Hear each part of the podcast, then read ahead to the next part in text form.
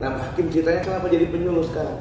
Iya itu, pertama memang saya melihat jiwa saya ini wah enak. Kayaknya kalau kita mengabdi dekat kepada masyarakat, Masyarakat ya? Iya. Jadi Pak Hakim eh, terdorong karena kalau mengabdi langsung dekat dengan masyarakat, masyarakat tanda petik petani ya. Iya petani. Oke. Iya. Karena nah di situ juga kan kita banyak pengalaman, terus ilmu kita bisa di samping ada ilmu kita juga berbagi dengan petani.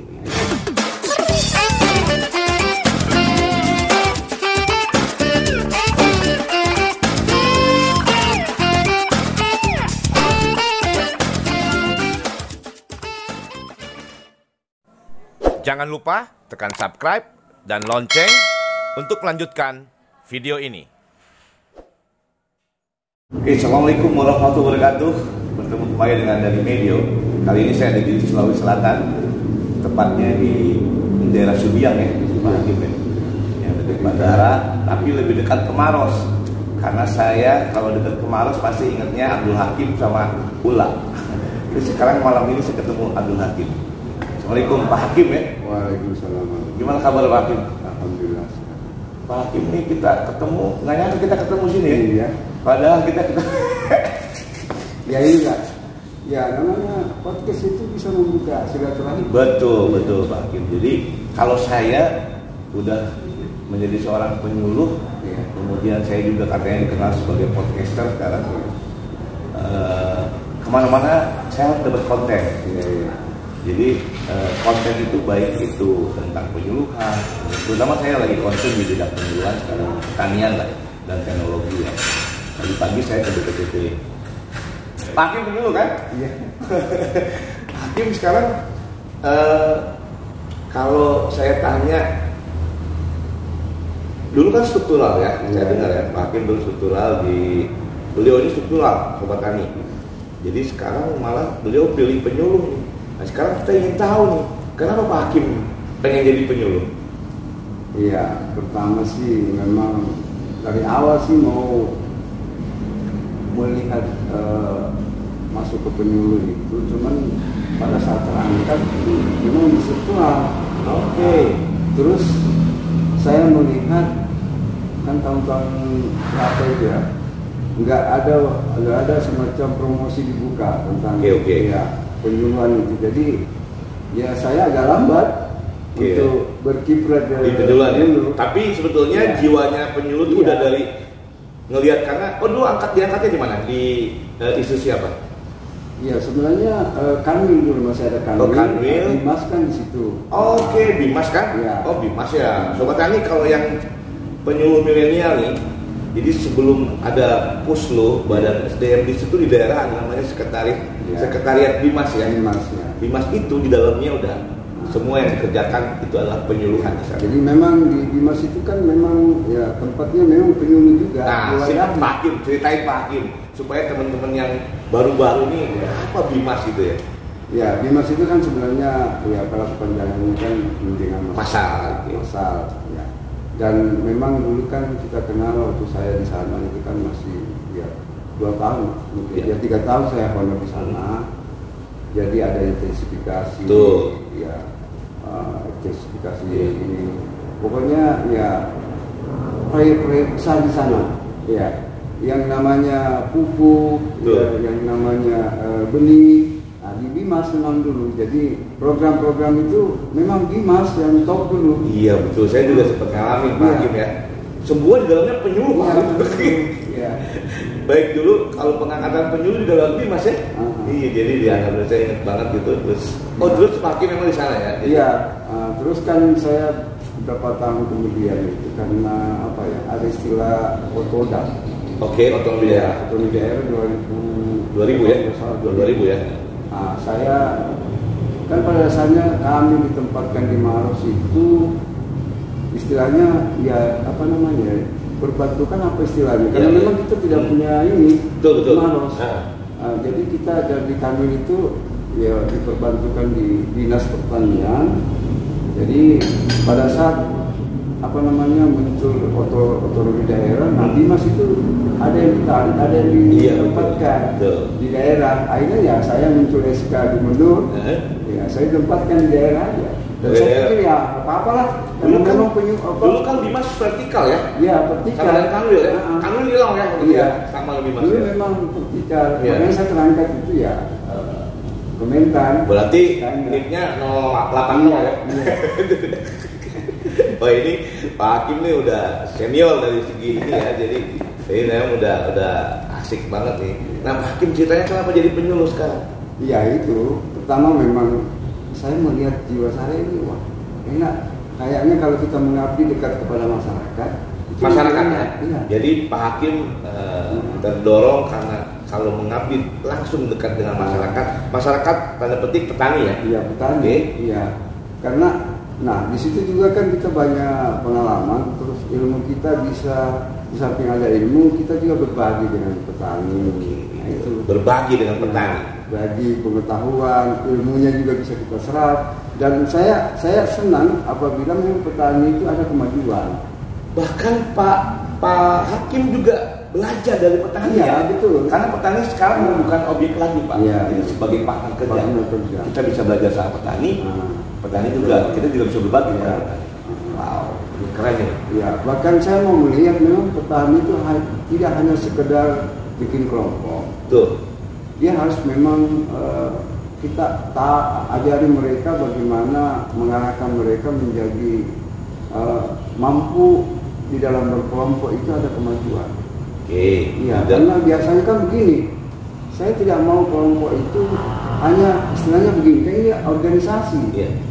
Kalau organisasi kan mestinya kan harus semua bisa merasakan organisasi itu. Betul. Kelompok Anggotanya. Iya, anggotanya. Bukan milik ketua saja. Iya. Saya tahu betul biasanya sih dulu kan namanya tahun-tahun sebelumnya kan kadang-kadang ya masih orang-orang yang mau diangkat jadi ketua itu kan dia dulu siapa. Betul. Nah sekarang ke depan memang harus tumbuh dari anggota. Kalau menurut saya kelompok itu harus tumbuh Betul. dari anggota. Karena ada rembuk- ada rembuk talinya itu Ada ya. rembuk. Sebab apabila ada rembuk dan itu dia misalnya taruhlah saya petani, saya mau dirikan ini. Hmm. Lo niatnya dulu apa? Oke. Untuk memajukan Jadi, siapa? Mau mau ke mana Mau tujuannya ke mana? gitu ya. Dia kan driver. Iya. Dia harus bawa ke mana nih organisasi? Keren. Iya, maju, maju tidaknya organisasi kan leadernya, ketuanya. Menurut saya begitu. Jadi pengaruh banget ya berarti memilih ketua itu ya Pak. Iya, Siapa dia? Ah. Kemudian dia eh, mungkin seorang tokoh yang mungkin punya Iya. eh, punya kekuatan ya punya Iya. power dan dan itu bisa mengayomi anggotanya kan. iya memang harus Tapi berdasarkan dari pemilihan anggota itu. anggota dan memang dia harus punya rasa peduli bahwa dia harus niatnya bahwa ya saya harus memajukan masyarakat. Tapi rata-rata emang kalau yang jadi ketua tuh orangnya emang hebat ya Pak. ya sih. Ya, memang. itu saya lihat saya lihat hebat-hebat ya. Iya. Artinya secara umum memang tetap hebat pak. Itu berdasarkan tadi Pak Hakim bilang bahwa kelompok tani ya Hmm. tidak hanya tidak sembarangan membentuk kelompok, Iya. tapi harus ada tujuannya. Kemudian si ketuanya juga Iya. harus punya misi ya, punya Iya. punya visi. Wow, hebat. Kalau kan biasa ya hanya sekedar bentuk ketua, tidak punya rencana, tidak punya program, itu kan sama saja mobil mogok. Jadi, jadi kembali tadi pertanyaan saya Pak Hakim. Iya. Pak Hakim tadi kan saya tanya, kenapa jadi pengen jadi penyuluh? Tadi pertama kan ternyata lebih dekat dengan masyarakat gitu ya. itu. Apalagi Pak? ya memang sih dari segi struktural Atau kepaksa enggak? enggak, Nah. enggak. Saya melihat di situ wah, ini Kan dulu struktural enak.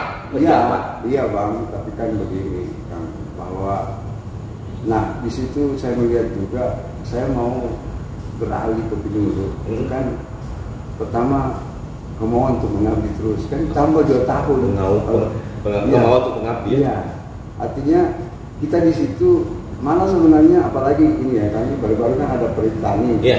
Itu ada wadah profesi. Ah, wadah profesi. Iya, kalau di Sutra nggak ada wadah profesi. Oh, keren. Berarti Pak Hakim ini melihat kalau dengan ada eh, perhimpunan ya, Iya. kayak organisasi, kita bisa masih Tambah- menambah tambah teman, dan kemudian- kita tidak pernah merasa bahwa ya istilahnya kita ini punya jiwa bahwa ya mengabdi lah seterusnya ya, ya, soal mati umur kan ya Nggak kita iya. jalani yang penting niat kita baik wow, Ya. wow. itu kecuali kalau kita mau masuk begitu mau guru apa dan guru apa ya Coba tadi bukan main saya ketemu satu orang lagi yang ternyata jadi penyuluh dia bukan hanya masuk masuk saja supaya dapat Ya. eh, apa mungkin tunjangan Ya. fungsional bukan ini saya dengar langsung dari seorang penyuluh dan saya relatif dia dulu enak sebetulnya jadi struktural ya Iya, enak. tapi memilih ke fungsional penyuluh sehingga katanya lebih dekat dengan masyarakat Iya. kemudian ada ada lembaga Dan profesi yang penyuluh itu kan menurut saya bahwa tupoksinya adalah pimpinannya. memilih sendiri Iya. kemudian kita wah Kita kan baca oh ini tupoksi saya. Udah perlu tahu saya udah tahu. ada tracknya ya Iya. saya mengerjakan ini mengerjakan ini mengerjakan ini Kalau struktural kan kadang-kadang ya. tunggu perintah dulu atau tunggu tunggu dan ikuti sini. Kalau itu ya apa yang bisa kita berbuat? Kita lihat potensi daerahnya misalnya i- identifikasi wilayahnya oh ini, nah, baru kita bikin. Nah makanya di kelompok itu perlu memang bagi saya bahwa kelompok itu punya juga eh, rencana-rencana minimal menurut saya tiga bulan dalam sekali ya jadi empat kali dalam satu tahun itu dia harus punya pertemuan Itu ya. iya minimal kalau misalnya selesai musim tanam dia pertemuan supaya dia juga bisa mengevaluasi kurang tidak produksi paling tidak ya paling tidak setiap habis musim tanam kan Ya. ya Ya menurut saya begitu. Dan kita ini memang penyuluh merasa ya terpanggil untuk mau melihat apa evaluasinya mereka, apa kebutuhan mereka, apa masalahnya apa masalahnya. bagaimana Tapi kalau solusinya kelompok ini ya istilahnya diberi apa petunjuk agar nah di sini lagi Mbak Ketua harus penting sekali. Oh iya benar ini penyuluh saya. Kalau nggak saya pertemuan begini bagaimana bisa tahu penyuluh bikin program untuk saya. wow. Nah kalau tidak ada saya pikir lah penyuluh bisa jadi eh, apa kegiatannya begitu juga. Ya, apa nggak nggak nggak berkembang ya Ya, nggak berkembang. Jadi emang harus harus Iya. kreatif juga kan dulu harus. Ah, Hakim. Kalau saya sekarang bertanya ke Pak Hakim dengan era apa istilahnya 4.0 ya, 4.0 yang harus kita digitalisasi. Sekarang apalagi sekarang kita bertemu aja dibatasi ya. Iya. Menurut Pak Hakim seperti apa nih? Penyuluh harus seperti apa nih dengan era seperti ini? Ya memang harus melek teknologi. Wah, melek teknologi, sobat Nggak tani. bisa. Artinya kalau kita berpikir umur ya, saya ini umurnya sudah. Iya, iya. Iya. Artinya bukan milenial ya, udah kolonial. Iya, kolonial. Tapi jiwa harus milenial. Iya. Karena yang jadi masalah itu kalau ada penyuluh melek apa tidak melek teknologi. Malah ketinggalan. Iya, Kalau ketinggalan. petaninya melek teknologi, Iya. penyuluhnya nggak melek. Betul. Bagaimana bisa mendorong? kalau misalnya menentukan titik koordinat lahan saja dia bisa nggak tahu wah gimana ini padahal kalau gitu. koordinat bagi lahan usaha petani sekarang itu masuk di dalam simultan Simultan. RDKK nggak bisa terinput Nggak bisa terinput kalau nggak tahu koordinat. karena memang era sekarang mungkin karena pemerintah mau istilahnya begini eh, dapat dipertanggungjawabkan data itu Siap. Itu artinya satu dapat dipertanggungjawabkan dan tingkat akurasinya. akurasinya Eh, akuntabilitasnya dekat iya banget. pertanggungjawabannya Itu yang yang iya apalagi Pak Menteri kita ya Pak Syahrul Yassin Limpo ini iya visioner. iya betul Dia lebih seneng banget dengan digitalisasi. Iya, iya. dan itu lebih cepat jadi mempercepat kita bagaimana melaporkan ke atasan dan Iya. melaporkan ke pusat dan iya wow karena kalau titik koordinat memang ya bisa dilihat kan misalnya titik koordinat tercatat di situ. Dan kementerian tuh tinggal Iya, ketik. cari. Bener nggak ini? iya bener nggak ini? Langsung lahannya? itu langsung di map Ah, iya. itu ketahuan itu pak. Iya. oh iya benar artinya tidak boleh. Nggak boleh main-main ini. Nggak boleh lagi kita kembali ke masa lalu. Oh, dulu begini begini begini ya. Iya karena akurasinya benar.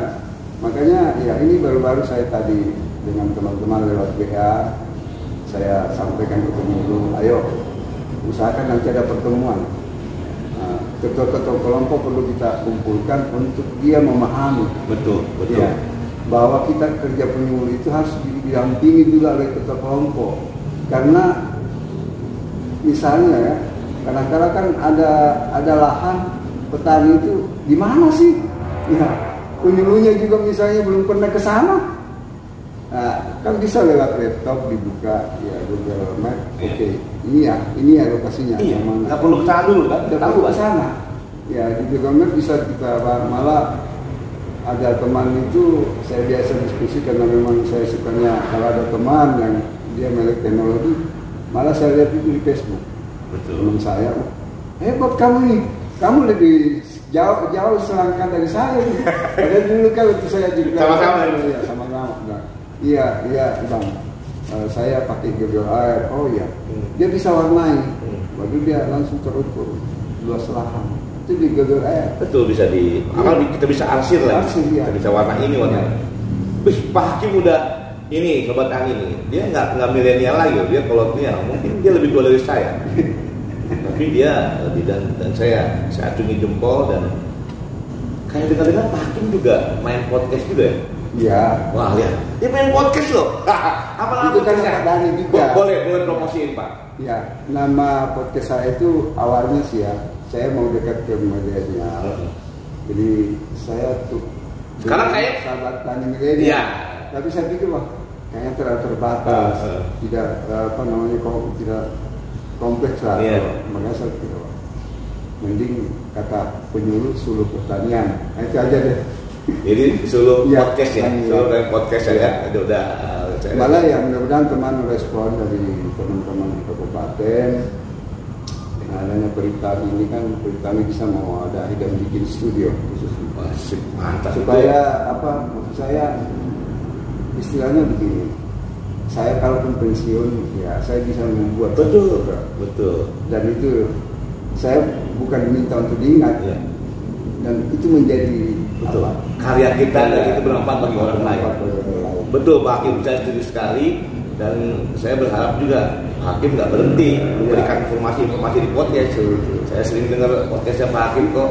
Cuma agak lain karena ya saya lihat wah ada ada yang mandek ada yang Iya. itu lagi. Saya juga terasa kok. Dan itu memang konsisten harus Iya. harus kita memang harus ada konsisten itu Jadi Pak Hakim punya podcast, kemudian Pak Hakim juga melek eh, dan Pak Hakim merasa nggak kalau kita melek teknologi, terus kemudian kita menggunakan teknologi informasi komunikasi itu mendukung pekerjaan kita nggak sebagai penyuluh?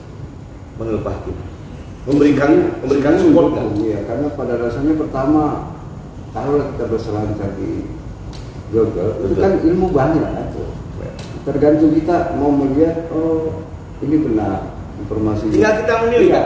Apalagi ada penyuluh dan teknologi Iya. kan banyak, yang kita dengar. Cuma persoalan sekarang orang itu kan ya tidak mau mengikuti yang begitu. Padahal sebenarnya kan walaupun sepintas kita katakanlah kita buka di apa di di HP handphone, ya. handphone kita download aplikasi Encore atau podcast. Nah itu kan kelihatan kalau ada yang baru. Iya, betul. Aplikasinya oh, Betul. ada baru lagi Iya. iya. ini kan Memang, begitu. memang. Jadi kita bisa membandingkan wah ini maju orang, Iya. orang lain kok maju terus ini. Kita ini kok Kapan ini? Iya kan makanya tadi juga akhirnya akhirnya semangat lagi. Iya. Dan emang seperti itu. Iya. Bahkan saya sampaikan sama teman-teman bahwa di provinsi lain, ya, di luar Sulawesi itu mereka tumbuh. Ya. Kenapa kita tidak? Ya. Makanya saya sebenarnya mau menghimbau yang milenial ini Harus lebih giat dari kita kita ada, ya Pak. Ada CPNS yang baru ini. Iya betul. Harus. Harus. Dan saya sempat kontak dari salah satu mereka itu. Ya, saya siap ini. Wow, Bergabung. jadi Pak Hakim ini harus punya kader Pak Hakim. Iya. betul. Karena kita kan pasti akan pensiun Iya. kan, mereka masih terus. Waktu saya memang di ya saya kan waktu masa SMA kuliah memang saya suka kader. Ya. Keren keren. Remaja masjid itu saya mau kalau mereka maju. Akhirnya pernah ada satu begitu terjadi bahwa dia di Jakarta dia telepon saya. Dia sudah maju. Ya, seandainya saya tidak dikader di masjid ini saya tidak bakalan berani di Jakarta. Nah, yang begitu begitu Pak. Ya saya bilang, syukurlah, syukur. syukurlah kalau itu menjadi manfaat dan kau ingat Iya. saya. Alhamdulillah ya. Oh Pak Hakim ini saya ketemu singkat tapi asik ini. Pak Hakim terakhir Pak Hakim. Ada pesan nggak harapan Pak Hakim terhadap penyuluhan pertanian di Indonesia ini Pak Hakim? Ya memang kita harus terus belajar. Belajar, terus belajar. belajar karena memang ilmu itu kan eh, terus berubah dan kadang-kala temuan orang kita nggak temukan dan kita juga harus berani ada inovasi ya Ya. istilahnya kreatif apa yang bisa kita temukan ya kreatif ya. Iya, kreatif. Belajar harus kreatif lagi Nah. dan kita harus berani, berani mencoba dan Iya. wow. Karena kalau pi- kepikiran ya apa adanya kita, apalagi penyuluh ya. Iya. Penyuluh itu ya ilmu terus bertambah, berubah, apalagi teknologi terus berkembang, terus ya kita katakanlah pulang kerja ya tidak buka-buka di tidak searching tidak apa ya begitu Berarti berarti kita harus tetap belajar, belajar dan belajar. Oh, Pak Hakim, saya senang sekali bisa ketemu.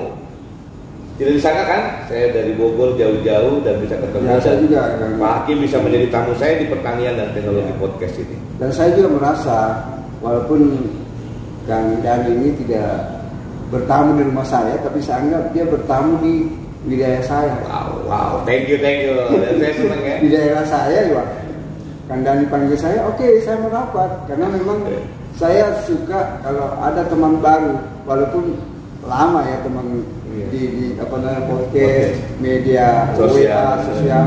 Tapi kan kalau ketemu lagi ini kan menambah ini lagi Wah, tambah semangat lagi saya Pak Hakim juga tambah semangat. Dan ini mudah-mudahan kita bermanfaat ya. Iya. Ngobrol ini bisa bermanfaat, bisa Pak Hakim bisa menginspirasi teman yang lain yang tadinya beliau struktural, yang biasanya dilayani dan dia tapi sekarang menjadi penyuluh dan dia harus melayani petani sekarang dan tidak boleh kendor karena Kang Dian tidak boleh kendor melayani ya. Pak Hakim terima kasih. Mudah-mudahan bermanfaat. Oke, sobat tani demikian obrolan saya dengan eh, Abdul Hakim, penyuluh pertanian dari Kabupaten Maros, tepatnya di BPP Muncul Moncoloy, Kecamatan Moncoloy. Kecamatan Moncoloy. Terima kasih, dengarkan terus dan tonton terus podcast pertanian dan teknologi. Salam pertanian.